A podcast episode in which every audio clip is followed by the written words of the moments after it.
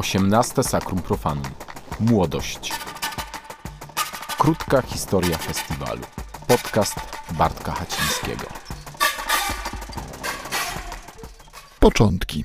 To pierwsza odsłona podcastowego cyklu przedstawiającego krótką historię Sakrum Profanum.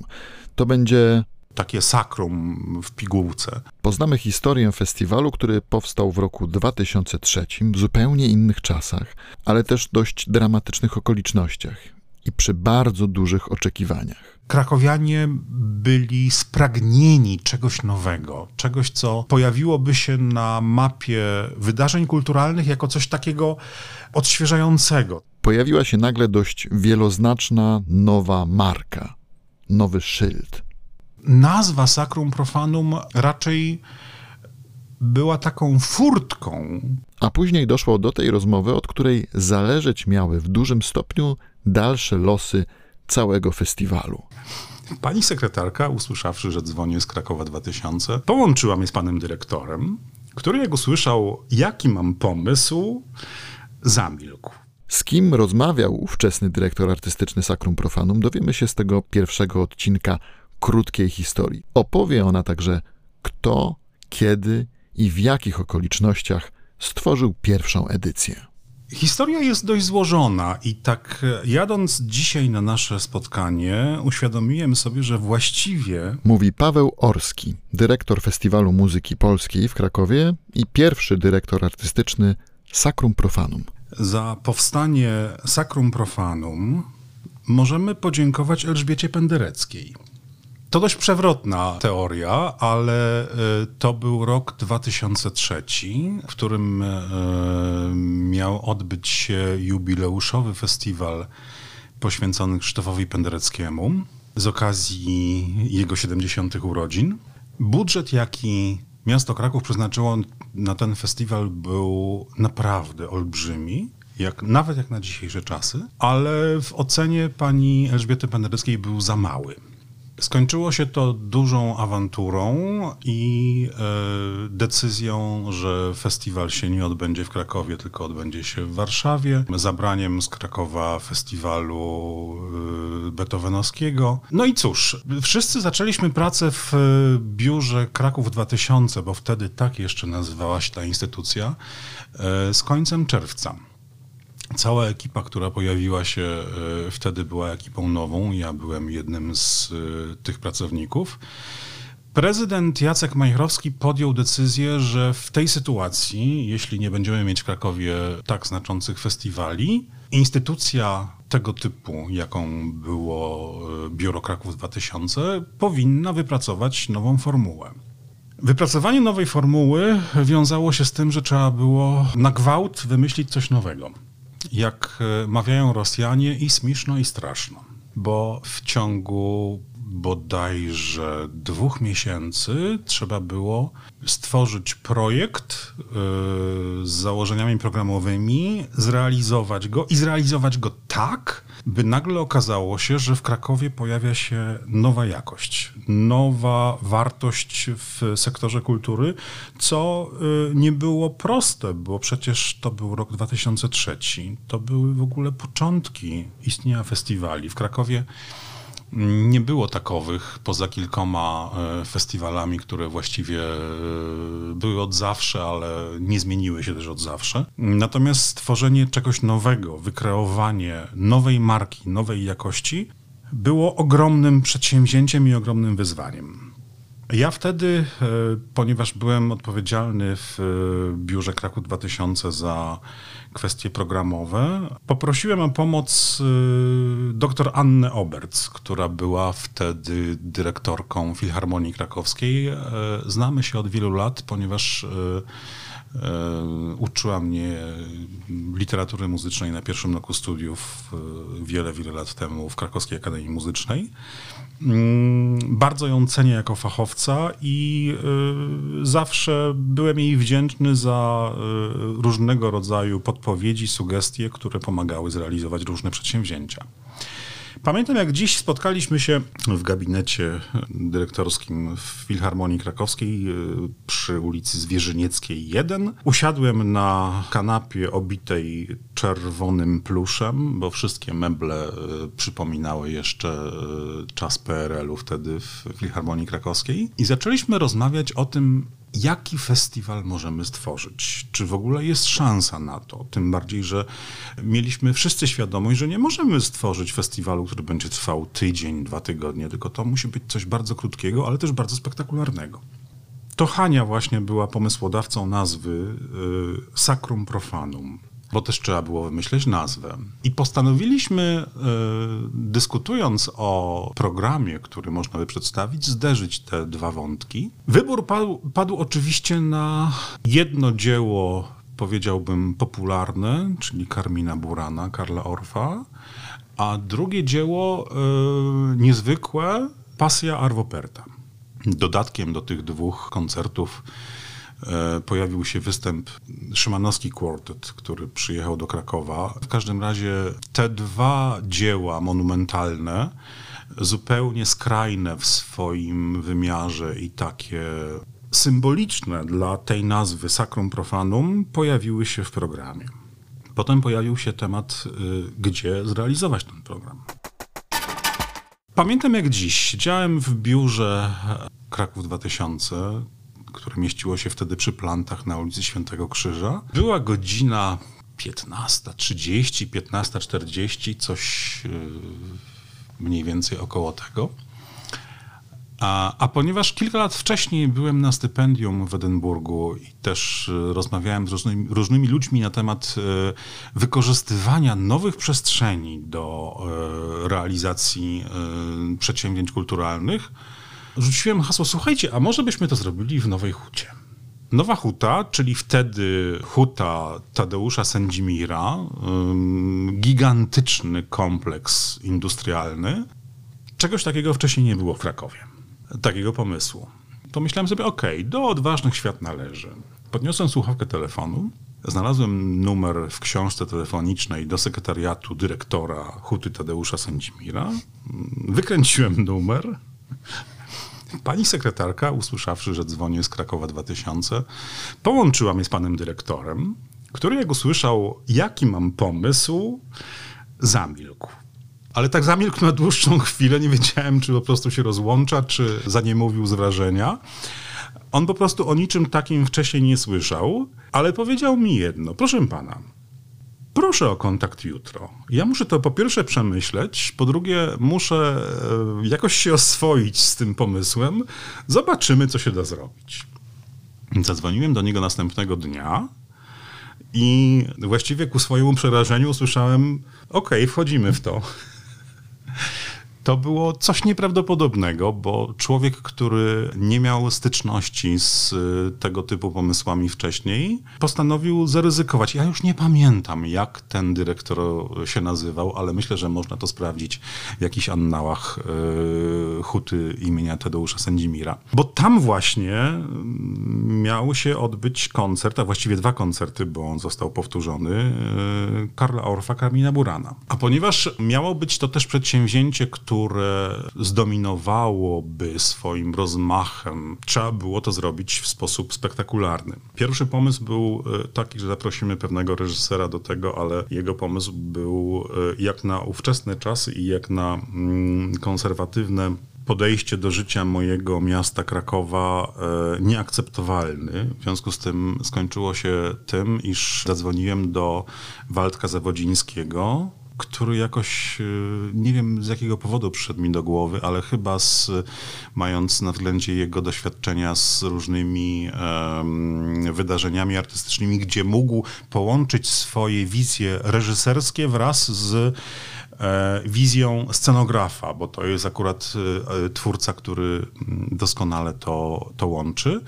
Waldek się bardzo zapalił do tego pomysłu, tym bardziej, że mm, w tej olbrzymiej hali w hucie Sędzimira mieliśmy wystawić, y, jakby nie było, monumentalne widowisko. Widowisko w przestrzeni postindustrialnej, która wykorzystywało nie tylko samą surowość tego wnętrza, ale też ogrom elementów, które zostały zebrane z okolicznych miejsc. Te dwa koncerty, pamiętam jak dziś, bo uczestniczyłem w tych próbach do czasem drugiej, trzeciej w nocy, okraszone zostały jeszcze warstwą filmową, którą przygotowała nieżyjąca już Irena Wolen, jedna z najlepszych reżyserek telewizyjnych e, minionych dekad która to wykorzystała materiały archiwalne z telewizji polskiej, prezentujące, jak powstawała Nowa Huta.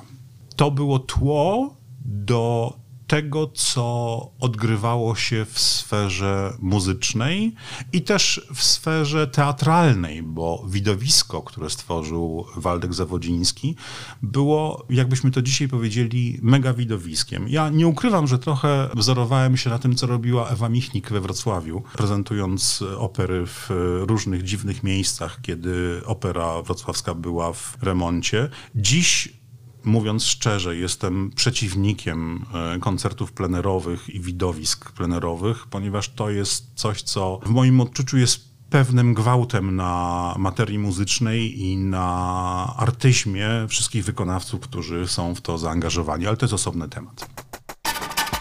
Jeśli chodzi zaś o cały element przygotowań, które trzeba było zrobić, to uświadomiłem sobie, że cały nasz zespół w biurze Kraków 2000 to byli e, ludzie, którzy zaczynali swoją przygodę z tego typu przedsięwzięciami, ucząc się właściwie na żywym organizmie. E, jak dziś pamiętam nasze wizyty właśnie w, w hali huty Tadeusza Sędzimira, z kolegami, z Sebastianem Godulą e, i Konradem Koprem, którzy byli odpowiedzialni za e, sferę produkcyjną całego przedsięwzięcia, która była niebotycznym wyzwaniem. E, zbudowanie olbrzymiej widowni, zbudowanie gigantycznej sceny, zapewnienie warunków bezpieczeństwa, oprócz tego zadowolenie reżysera, który co chwilę miał nowe, fantastyczne pomysły, ale wymagające zaangażowania ogromnej ilości ludzi i przywiezienia na przykład pięciometrowych kół zębatych stalowych, które gdzieś walały się w okolicy tejże hali, które rewelacyjnie zagrały w tym przedsięwzięciu. Pamiętam, że gdzieś malowanie chyba 80 albo 100 y, hałatów y, lekarskich, którym odziany był chór. Te hałaty były malowane sprayami, y, tak żeby były jak najbardziej kolorowe. To też się udało, ale ten zapach unosił się mm, długo, długo, długo nawet po koncercie. A o tych wyzwaniach logistyczno-organizacyjnych mówię też w kontekście koncertu, którym było wykonanie pasji Arvo Perta w kościele świętej Katarzyny. Ja byłem wtedy po sześciu latach pracy w e, telewizji polskiej, e, gdzie odpowiadałem za e, dział kultury i tak sobie pomyślałem, okay, zrobimy to takim rozmachem telewizyjnym, wykorzystamy różne, różne scenograficzne sztuczki. No dobrze, tylko mówiąc szczerze, nie miałem o tym zielonego pojęcia. I moje pomysły, które starałem się zrealizować, były może fajne, natomiast były też równie niebezpieczne. Pomyślałem sobie, że w kościele świętej Katarzyny, gdzie e, graliśmy tą pasję Arwoperta, która jest bardzo specyficznym, ascetycznym dziełem e, na nieduży skład instrumentalny, opierająca się właściwie na e, głosach solowych i no to jest kwintesencja twórczości Arwoperta. Takie sakrum w pigułce. Ułożymy w całym kościele olbrzymi krzyż na posadzce z takich małych świeczuszek, które używaliśmy w podgrzewaczach do herbaty. I to będzie pięknie wyglądać. Tak, to istotnie pięknie wyglądało. Problem polegał tylko na tym, że publiczność, która bardzo tłumnie przyszła do kościoła świętej Katarzyny, by wziąć udział w tym koncercie, rozdeptała te świeczki, zanim jeszcze zaczął się koncert. Rozdeptanie roztopionego wosku e, na kamiennej posadzce wiąże się z tym, że ten wosk no tak właściwie pokrywa ten kilkusetletni kamień idealną powłoczką. Mm, no i tu zaczyna się problem.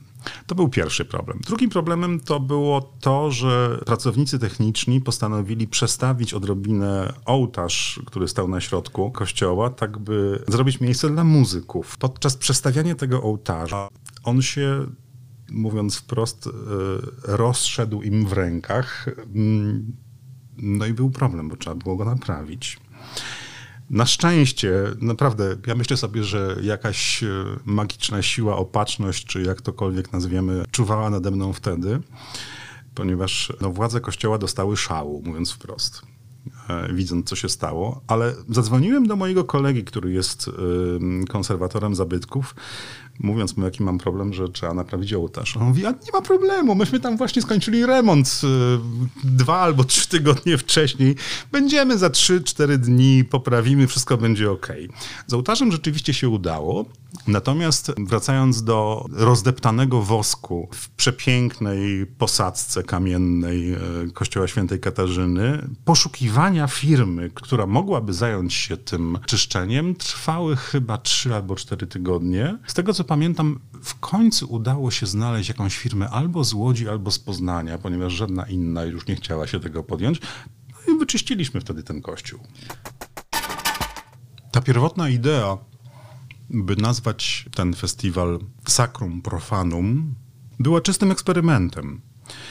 Dlatego, że chcieliśmy e, zderzyć dwa światy. E, z jednej strony jakby tym wyznacznikiem była Karmina Burana, a z drugiej strony e, pasja. Tutaj nie było żadnego, żadnej innej ideologii, która by leżała u podstaw tego, tego pomysłu. To był bardziej pomysł, który pojawił się tak zupełnie ad hoc i przyjął się bo przez następne lata e, sprawdził się, myślę, całkiem nieźle. Tym bardziej, że pozwolił kolejnym dyrektorom artystycznym na eksplorowanie i zderzanie dwóch światów dwóch albo nawet i większej liczby tych światów, bo przecież e, festiwal Sacrum Profanum ewoluował na przestrzeni tych lat e, w sposób niesamowity. To było eksperymentowanie także na publiczności krakowskiej, bo prezentowanie w późniejszych latach różnych dzieł było badaniem publiczności, jak ona to przyjmie. Nazwa Sacrum Profanum raczej była taką furtką, która umożliwiała poruszanie się w różnych epokach i różnych stylach, bez naruszania jakby linii przewodniej festiwalu. Zresztą ta linia przewodnia pojawiła się dopiero e, w późniejszych edycjach. To już e, moi następcy e, zaproponowali. Pierwsza edycja była takim eksperymentem, takim no nie czarujmy się. Mieliśmy półtora miesiąca na zrobienie czegoś dużego, zaangażowanie dwusetki artystów i jeszcze odtrąbienie sukcesu, no bo przecież wiadomo było, że jeśli zabieramy się za coś takiego i angażujemy w to w tak niebotyczne środki, tak ogromną liczbę ludzi, to to się musi udać. Ja nie pamiętam już, czy to, co zrobiliśmy, zostało uznane za, y, przez y, prasę jako sukces ale po części pewnie tak, dlatego że nigdy wcześniej takiego e, przedsięwzięcia w Krakowie nie było. Natomiast pamiętam rozmowę z tym dyrektorem huty e, Tadeusza Sędzimira, który po prezentacji mm, dzieła Karla Orfa w którym właśnie e, Irena Wolen stworzyła ścieżkę filmową, która była niesamowita, bo nagle od, e, odnajdywaliśmy się w końcu lat 40., początku lat 50. To, to, było, to było coś fantastycznego, ale zakończenie tej ścieżki filmowej było już nawiązaniem do współczesności. Nawiązaniem do tego, że czasy się zmieniają. I pamiętam ostatnią sekwencję tego filmu, który był wyświetlany na olbrzymim ekranie na telebimie za, e, za chórem, który stał mm, z tyłu sceny. Była to taka porośnięta żywą e, roślinnością, żywą zieloną roślinnością łąka. I z tego, co powiedział mi wtedy ten dyrektor, to zostało odebrane jako taki psztyczek w kierunku y, Nowej Huty, że co teraz, to co, to my się zamieniamy w taką łąkę, w taki ugór? No nie, skądże znowu? Zresztą przecież potem y, pojawił się inwestor indyjski i zmieniły się czasy. Natomiast wiem, że było to odebrane w, z takim dystansem. Patrząc z perspektywy lat, właściwie mogę powiedzieć, że mam szczęście, bo każde moje miejsce pracy, y, jakiekolwiek by ono nie było, było ich kilka na przestrzeni tych y, dekad. Nawet okupione gigantycznym stresem, jakimś konfliktem, czy nawet odejściem, było miejscem, w którym mogłem się bardzo dużo nauczyć i to, co cenię sobie najbardziej, mogłem poeksperymentować. Myśmy w naszym kraju nie mieli tradycji organizacji dużych festiwali na miarę wydarzeń europejskich. Dzisiaj z perspektywy czasu mogę powiedzieć, że to, co próbowaliśmy robić, było takim badaniem terenu z jednej strony, a z drugiej strony próbą wygenerowania czegoś, co uda się implementować na terytorium naszego odbiorcy, bo przecież to jest zupełnie inna jakość, zupełnie inny odbiorca, zupełnie inny, inna publiczność. Zresztą ja nawet dzisiaj negocjując z artystami zawsze mówię, e, no niestety nie jesteśmy jeszcze ani Salzburgiem, ani Monachium, ani Berlinem, chociażby w kontekście y, środków finansowych. W związku z tym to, co mogę zagwarantować, to to, że będzie fantastyczna atmosfera, to, że spełnimy wszystkie oczekiwania i dopełnimy wszystkich standardów, a reszta będzie jak będzie. Natomiast to, że udało nam się wtedy zrobić e, Sacrum Profanum, trochę mnie ukierunkowało y, zawodowo, y, bo odszedłem z y, biura Kraków 2000 po 9 miesiącach i pomyślałem sobie, ok, teraz czas stanąć na nogach już jako ja i Zobaczymy, jak te losy się potoczą. E, nie żałuję, bo e, też moi koledzy, mm, którzy wtedy odpowiadali za e, część logistyczną, odeszli w dwa albo trzy lata później z tej instytucji i też założyli własne firmy, realizują własne przedsięwzięcia. Zresztą współpracujemy do dzisiaj. Natomiast Myślę, że kluczowym w tej całej historii był moment, kiedy wykonałem telefon do dyrektora Huty Tadeusza Sędzimira. I pomyślałem sobie, to przecież nic nie kosztuje. To jest ten moment, kiedy mamy jakiś pomysł, mamy marzenia, mamy wizję i jedyne, czego nam brakuje, to próba zrealizowania tej wizji. W związku z tym wykonanie telefonu naprawdę nic nie kosztuje. A jeśli się uda, to hurra! No i tak się udało. Potem um, wiele razy um, musiałem zmierzać się z różnymi przeciwnościami e, myślenia urzędników i innych decydentów, ale zawsze patrząc z perspektywy tych lat, myślę sobie, warto jest mieć wizję, warto jest mieć marzenia, bo jeśli uda nam się to przekuć w coś, co można zrealizować, to tylko i wyłącznie z dobrym efektem dla publiczności, dla widza, dla odbiorcy, dla kogoś, kto stoi na końcu tej kolejki. Tego kogoś, kto kupi bilet i po udanym wydarzeniu powie, ale było fajnie.